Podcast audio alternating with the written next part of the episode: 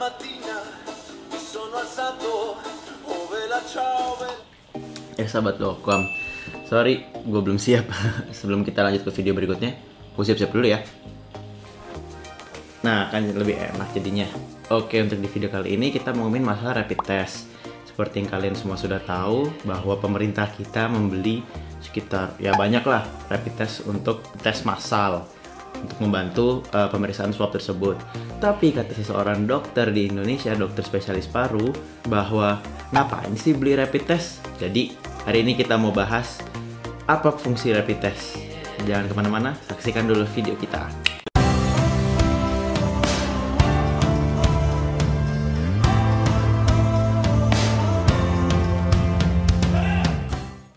Halo Sobat Dokwam, jadi selamat datang kembali ke acara Dokter Awam. Ya udah nggak usah basa-basi lagi.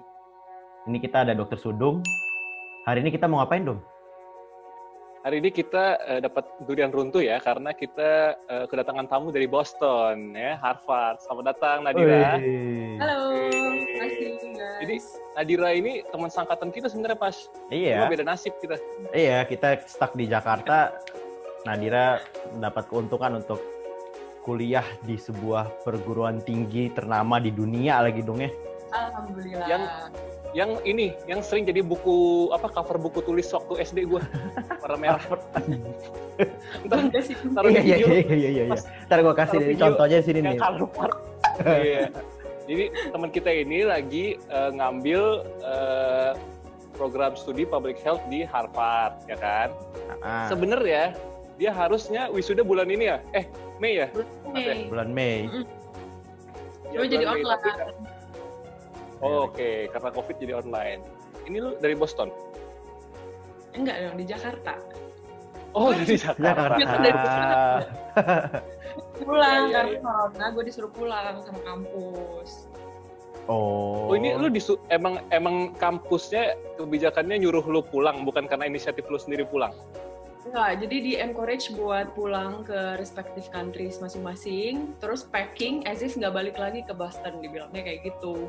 Sedih ya? Oh, untuk Wah, untuk mengurangi beban tenaga medis di sono pas.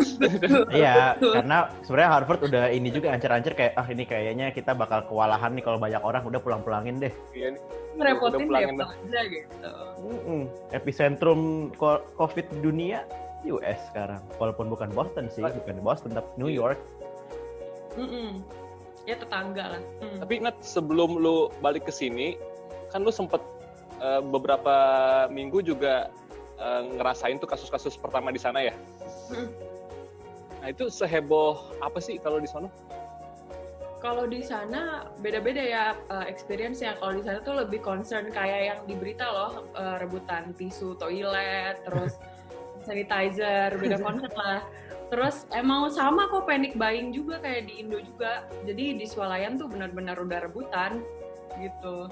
Tapi menurut gue emang lebih lebih patuh sama peraturan sih. Waktu itu udah Hmm. sempat dibilang state of emergency juga, Hmm. disuruh diem di rumah, terus pada nurut sih. Jalanan sepi udah nggak ada yang keluar lagi. Hmm, nggak kayak PSBB kita sekarang. Nggak jalan kayaknya. No comment. Oke. Oke, tanpa perlu berbahasa basi lagi tuh, tapi bagian bahasa basi ya. Lumayan lama sih basa-basi ya. Lumayan lama nanti dikat kan bahasnya. Iya Kita akan masuk ke pertanyaan. Silakan Dokter Pasya. Belakangan ini kan pemerintah beli rapid test banyak intinya untuk massive testing. Tapi kata seorang dokter di sini, seorang dokter ternama spesialis paru-paru bilang ya intinya mempertanyakan kenapa sih beli rapid test, kenapa pemerintah beli itu. Jadi gimana sih sebenarnya rapid test tuh? Uh, jadi sebelumnya mungkin biar orang-orang tahu dulu ya rapid test itu seperti apa. Hmm. Jadi uh, dulu kan kita mau uh, decide untuk tes massal itu banyak yang nyamain kayak oh kita mau lakuin kayak Korea. Hmm, Tapi yang orang tahu bahwa tesnya tuh berbeda sama yang dilakuin di Korea. Kalau di Korea mereka pakai PCR atau yang saat ini menjadi gold standard untuk pemeriksaan COVID-19. Sementara kalau di Indonesia itu pakai rapid test. Nah, rapid testnya itu rapid test serologi namanya. hmm. Nah, di sini yang diperiksa bukan virusnya, tapi antibodinya atau uh, imun kita terhadap virus tersebut. Nah, dan sampelnya juga berbeda, jadi bukan pakai swab hidung atau tenggorokan, tapi pakai sampel darah. Bisa serum, bisa ada juga yang whole blood, bisa yang darah kapiler, tergantung merek ya. terus uh, nah karena tadi pemeriksaannya antibody jadi emang rawan negatif palsu namanya jadi si antibody ini kan dia baru naik dan mencapai puncak tertinggi itu di hari ketujuh biasanya. Hmm, hmm, hmm. Dan dia akan terus berlanjut sampai hari 10 sampai 12 kalau mau kadarnya bagus. Nah, jadi nanti kalau kita periksa kecepatan, misalnya di hari ketiga atau hari keempat setelah gejala, itu rawan untuk negatif. Padahal sebenarnya memang udah positif gitu misalnya. Dan uh, kalau sensitivity-nya tuh memang masih diperdebatkan ya di jurnal-jurnal. Memang sekarang semua tergantung mereknya aja gitu. Kalau yang kita pakai di Jawa Barat sama di Jakarta itu OneFo nama mereknya. Hmm. Dan itu sensitivity-nya diklaim sih 86%. Jadi artinya kalau misalnya kita meriksa 100 orang nih, ada sekitar 14 orang yang sebenarnya dia itu positif tapi di alatnya bilangnya negatif, Negatif. atau Oh. dan bilang negatif palsu kayak gitu. Kalau misalnya dibilang berguna atau enggak sih sebenarnya agak kerja dua kali ya kalau pakai rapid test. Jadi Hmm. kalau misalnya hasil positif belum tentu positif, kalau negatif belum tentu negatif. Namanya juga uji screening bukan uji diagnostik gitu kan. Hmm. Karena diagnostik PCR. Uh, jadi kalau misalnya nanti positif itu harus dikonfirm lagi dengan PCR. Kalau misalnya negatif harus diulang lagi di kira-kira hari ke-7 atau hari ke-10. Oh iya iya. Intinya kayak tes berkali-kali gitu ya jadinya. Nah, kasarnya sih kerja dua kali gitu. Tadinya tuh gue kira yang masuk antigen. Mm-mm. Iya, kalau antigen masih agak guna sebenarnya. Nah, iya. Kalau yang ini rapid test antibody ternyata gitu dan memang ya gitulah kayak pasti banyak pertimbangan lah untuk nggak bisa pakai yang PCR. Nah, buat yang nggak tahu nih, antigen itu kan kayak ini Nat ya, kayak lu nyomot-nyomot bagian dari virusnya terus kedetek di alatnya gitu kan. Ditek, ah. Betul. Jadi kalau kita cek komponen virusnya itu sendiri kan dari hari pertama gejala udah bisa langsung confirm positif negatifnya Hmm. gitu. Antibody agak gambling. Iya, karena harus nunggu reaksinya dulu antara antibodi kita dengan si virusnya itu sendiri. Kalau dari segi public health atau kesehatan masyarakat, itu kan tesnya jadi berulang kali tuh. Hmm. Nah, cost cost-nya itu bakal eh, naik nggak kalau dibandingkan cuma tes cuma di PCR aja? Iya, kalau misalnya dari segi public health tentunya boros resource ya. Waktu itu saya juga, eh, saya kan masih mahasiswa nih kapasitinya kan. Waktu itu coba kon- konsultasi juga lah sama profesor di Harvard yang kemarin Lipsitch, saya teleponan juga. Kok Hmm. jadi saya ya, gue jadi gue teleponan juga. Terus gue juga kayak nanya, Kaku banget. Lanjut ya. Lanjut. terus kayak dosen gue.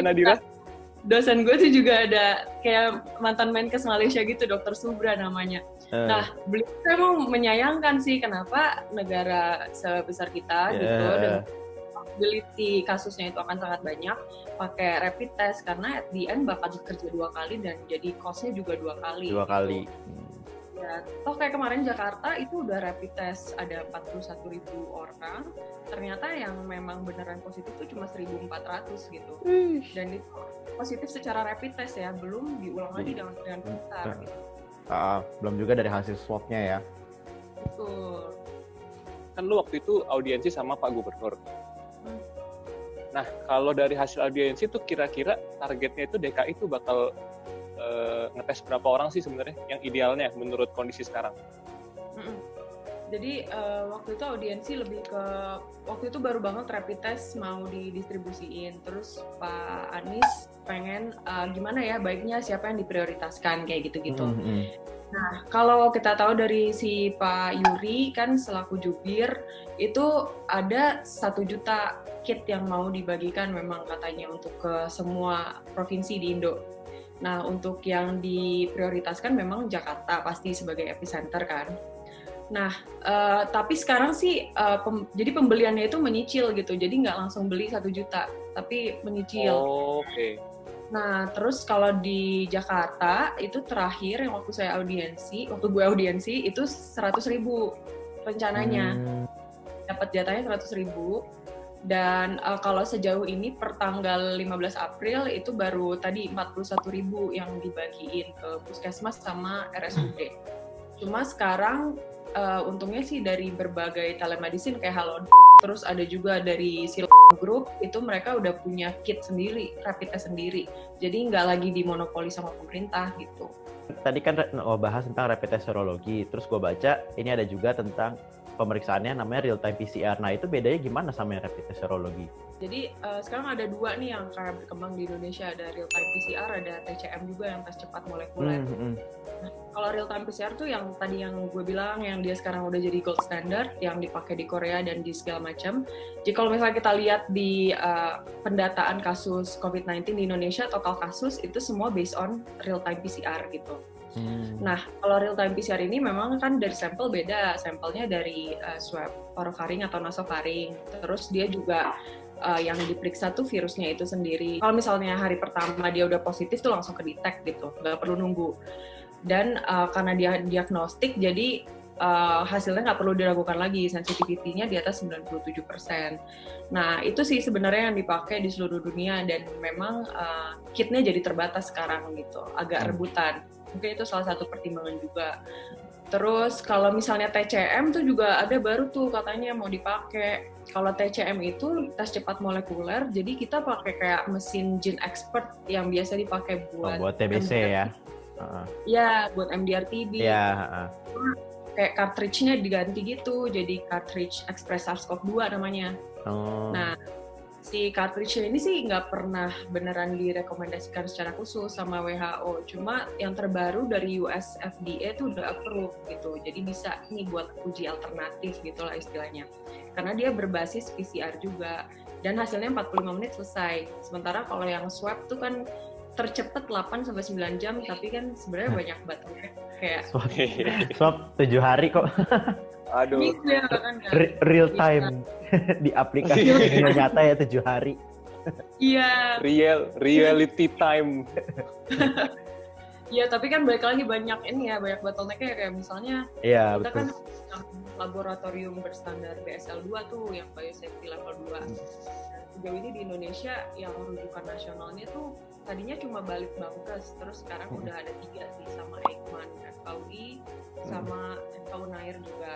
Hmm. Terus walaupun nanti katanya mau dikembangin nih jadi 29 uh, lab PCR lab BSL 2 kalau emang benar bisa dikembangin sih bakal jadi game changer banget mm-hmm. gue penasaran sama yang gen expert itu yang modifikasi gen expert nah itu nanti pengaruh ke sensitivity sama spesifikasinya gimana? Ada pengaruh nggak kira-kira? Jadi kalau si TCM ini uh, belum banyak diterapin di negara lain sih ya. Jadi jurnalnya emang belum jelas. Cuma yang dibilang memang basisnya sama PCR jadi seharusnya akan sama sih hmm. uh, di atas 90 persen dan untungnya di Indonesia tuh banyak uh, alatnya banget iya kan -huh. ada 900an cuma memang balik lagi kalau untuk COVID tuh harus ada uh, standar khusus lah yang namanya -huh. BSL tadi juga terus hmm. nyatanya ada 173 sih yang bisa kita pakai mesin expertnya gitu hmm. jadi sebenarnya bakal lunas sih kalau bisa dipakai nah, tadi kan untuk masalah kalau provinsi udah ada prioritas-prioritasnya nih. Nah sekarang kalau dari provinsi itu siapa aja yang dites itu gimana nentuinnya? Misalnya yang tua duluan atau yang tenaga medis dulu yang paling terpapar itu ada cara penentuannya nggak ya? Itu jadi beda-beda cara penentuannya tergantung sama uh, region masing-masing. Kalau misalnya kita mengacu ke Jawa Barat itu prioritas tesnya yang pertama adalah ODP, PDP sama yang kontak erat. Jadi di situ termasuk tenaga medis pastinya. Hmm. Itu yang prioritas pertama. Prioritas kedua itu kalau Pak Ridwan Kamil orang-orang yang punya profesi yang menuntut mereka interaksi sama orang dalam jumlah banyak. Misalnya kayak petugas swalayan atau hmm. driver transportasi umum, ulama, gitu, imigrasi. Kalau yang prioritas ketiga itu orang-orang yang punya gejala kayak apa gejala mengarah ke COVID, batuk, pilek segala macam tapi yang ringan.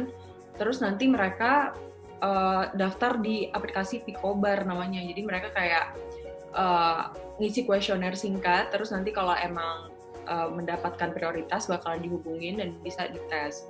Nah, tapi itu kalau di Indonesia jadi memang prioritas pertama masih yang kayak ODP, PDP, kontak erat. Tapi hmm. kalau waktu saya kemarin, eh gue kemarin juga ngobrol-ngobrol sama si Prof. Lipsich lagi kan, nelfon. Terus hmm. kalau dia tuh uh, waktu itu di New York udah nerapin kayak gitu. Jadi pakai kontak tracing dulu. Jadi ODP dulu dicari, PDP dicari, kontak erat dicari. Cuma ternyata nggak efektif karena si virusnya ini udah nyebar jauh di luar kontak-kontak tersebut gitu loh. Hmm. Banyak kontak yang nggak bisa kita trace, udah jauh lebih luas. Jadinya waktu itu si Prof. Lipsitch tuh nyaraninnya kalau prioritas pertama itu pasien yang dirawat di rumah sakit, tapi bukan COVID gitu, tapi tetap dicek buat COVID dan juga sama tenaga medis. Kenapa? Karena mereka ini selalu terpapar sama di rumah sakit, jadi kemungkinan besar terpapar COVID dan kalaupun kena, kenanya yang severe atau critical. Jadi pasti butuh uh, fasilitas kesehatan kayak ICU, isolasi atau ventilator. Dan ini kan yang kita takutin uh, kalau si healthcare kita ini bakal overloaded gitu kan. Terus prioritas kedua itu pasien-pasien rawat jalan yang datang ke puskesmas atau ke rumah sakit dengan gejala yang mild gitu. Jadi mereka bisa pulang. Nah, di sini kita mau mengeksklusi mereka dari kebutuhan rumah sakit gitu. Jadi kita tahu seberapa besar sih orang-orang yang gejalanya mild dan nggak butuh rumah sakit. Nah, yang ketiga itu hampir sama kayak si Pak Ridwan Kamil. Jadi pakai telemedicine itu mau menjaring orang-orang yang di rumah, terutama kayak OTG misalnya yang orang-orang tanpa gejala gitu jadi pakai kuesioner terus nanti dihubungin kalau emang mereka bisa berhak untuk dapat si tesnya ini gitu. Oh, jadi kayak kalau boleh disimpulin sebenarnya prioritasnya itu kalau bisa dibagi dua kelompok besar, yang di rumah sakit dulu, baru yang di luar rumah sakit gitu lah ya. Betul, yang di rumah sakit dulu, terus yang di luar rumah, rumah hmm. sakit yang bergejala sama yang nggak bergejala. bergejala. Berarti kalau yang di rumah sakit dulu, nggak cuma pasien sama dokter dong, kayak cleaning service-nya iya, satpamnya iya, terus supir ambulans segala macamnya. Seharusnya iya dan itu yang paling neglected sih sekarang hmm. kayak ambulans terus yang security, yang cleaning service kayak gitu. Padahal kan mereka terpaparnya juga sama. Iya. Dan mereka sebenarnya nggak diprioritas untuk pakai APD juga kalau di rumah sakit. Nah, ngomongin soal contact tracing. Hmm. Jadi kalau dari penjelasan lo tadi kan sebenarnya untuk contact tracing itu eh, nggak uh, terlalu uh, maksudnya nggak terlalu jadi primadona lagi karena sebenarnya dalam situasi aslinya penyebarannya itu udah jauh lebih gede daripada kontak tracingnya. Hmm. hmm. Setuju. Nah, tapi menurut lu masih perlu nggak sih kontak tracing ini? Uh, ya, jadi kalau kontak tracing sih masih perlu ya. Kalau uh, konteksnya kita, apalagi kalau misalnya nih kita nggak tahu kita pernah kontak sama orang yang positif gitu. Nah, cuma si pemerintah nih gue singgung ya, pemerintah tuh udah bikin si aplikasi namanya Peduli Lindungi Oh iya, gue udah download tuh. Ah, gue udah download. Iya, iya. Udah download. Ya, jadi si Peduli Lindungi ini uh, dia kan mau tujuannya untuk kontak tracing juga ya. Kalau gue ya, kemarin abis download cuma hmm? mintain nama, nama panjang, nomor HP, terus nanti dia uh, kirim OTP, udah selesai. Oh, gue ngerti berarti. Oh iya iya. Ah ya, gue kurang lebih kayak gitu juga sih. Jadi cuma nama doang ya? Uh. Jadi kalau gue dari penjelasannya si Pak uh, Joni Menkominfo, jadi dia tuh pengen uh, kita semua nih download, terus habis itu nanti kita bakalan dibikin anonim. Nah, misalnya dia tahu lu positif gitu dong.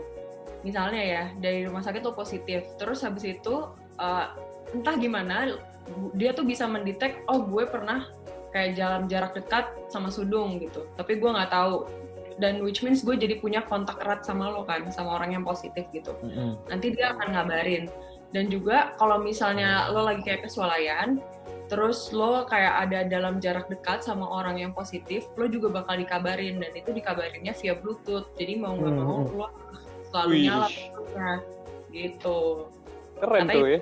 Ini kan lo belajar soal public health inat nah kira-kira tuh ada nggak sih kayak permodelan yang cocok buat memprediksi kira-kira tuh uh, COVID ini akan berakhir kapan kalau di Indonesia? Karena kan oh, ya. ada banyak tuh yang bikin ada dari Iluni Matematik UI bikin kira-kira berakhir kapan. Oh, nah, bukan, kalau dari segi bukan Victoria Secret ya dong. Model. Siap maksud? Oh gitu. gue gak, gue gak nangkep pas maksudnya. gue juga dapet.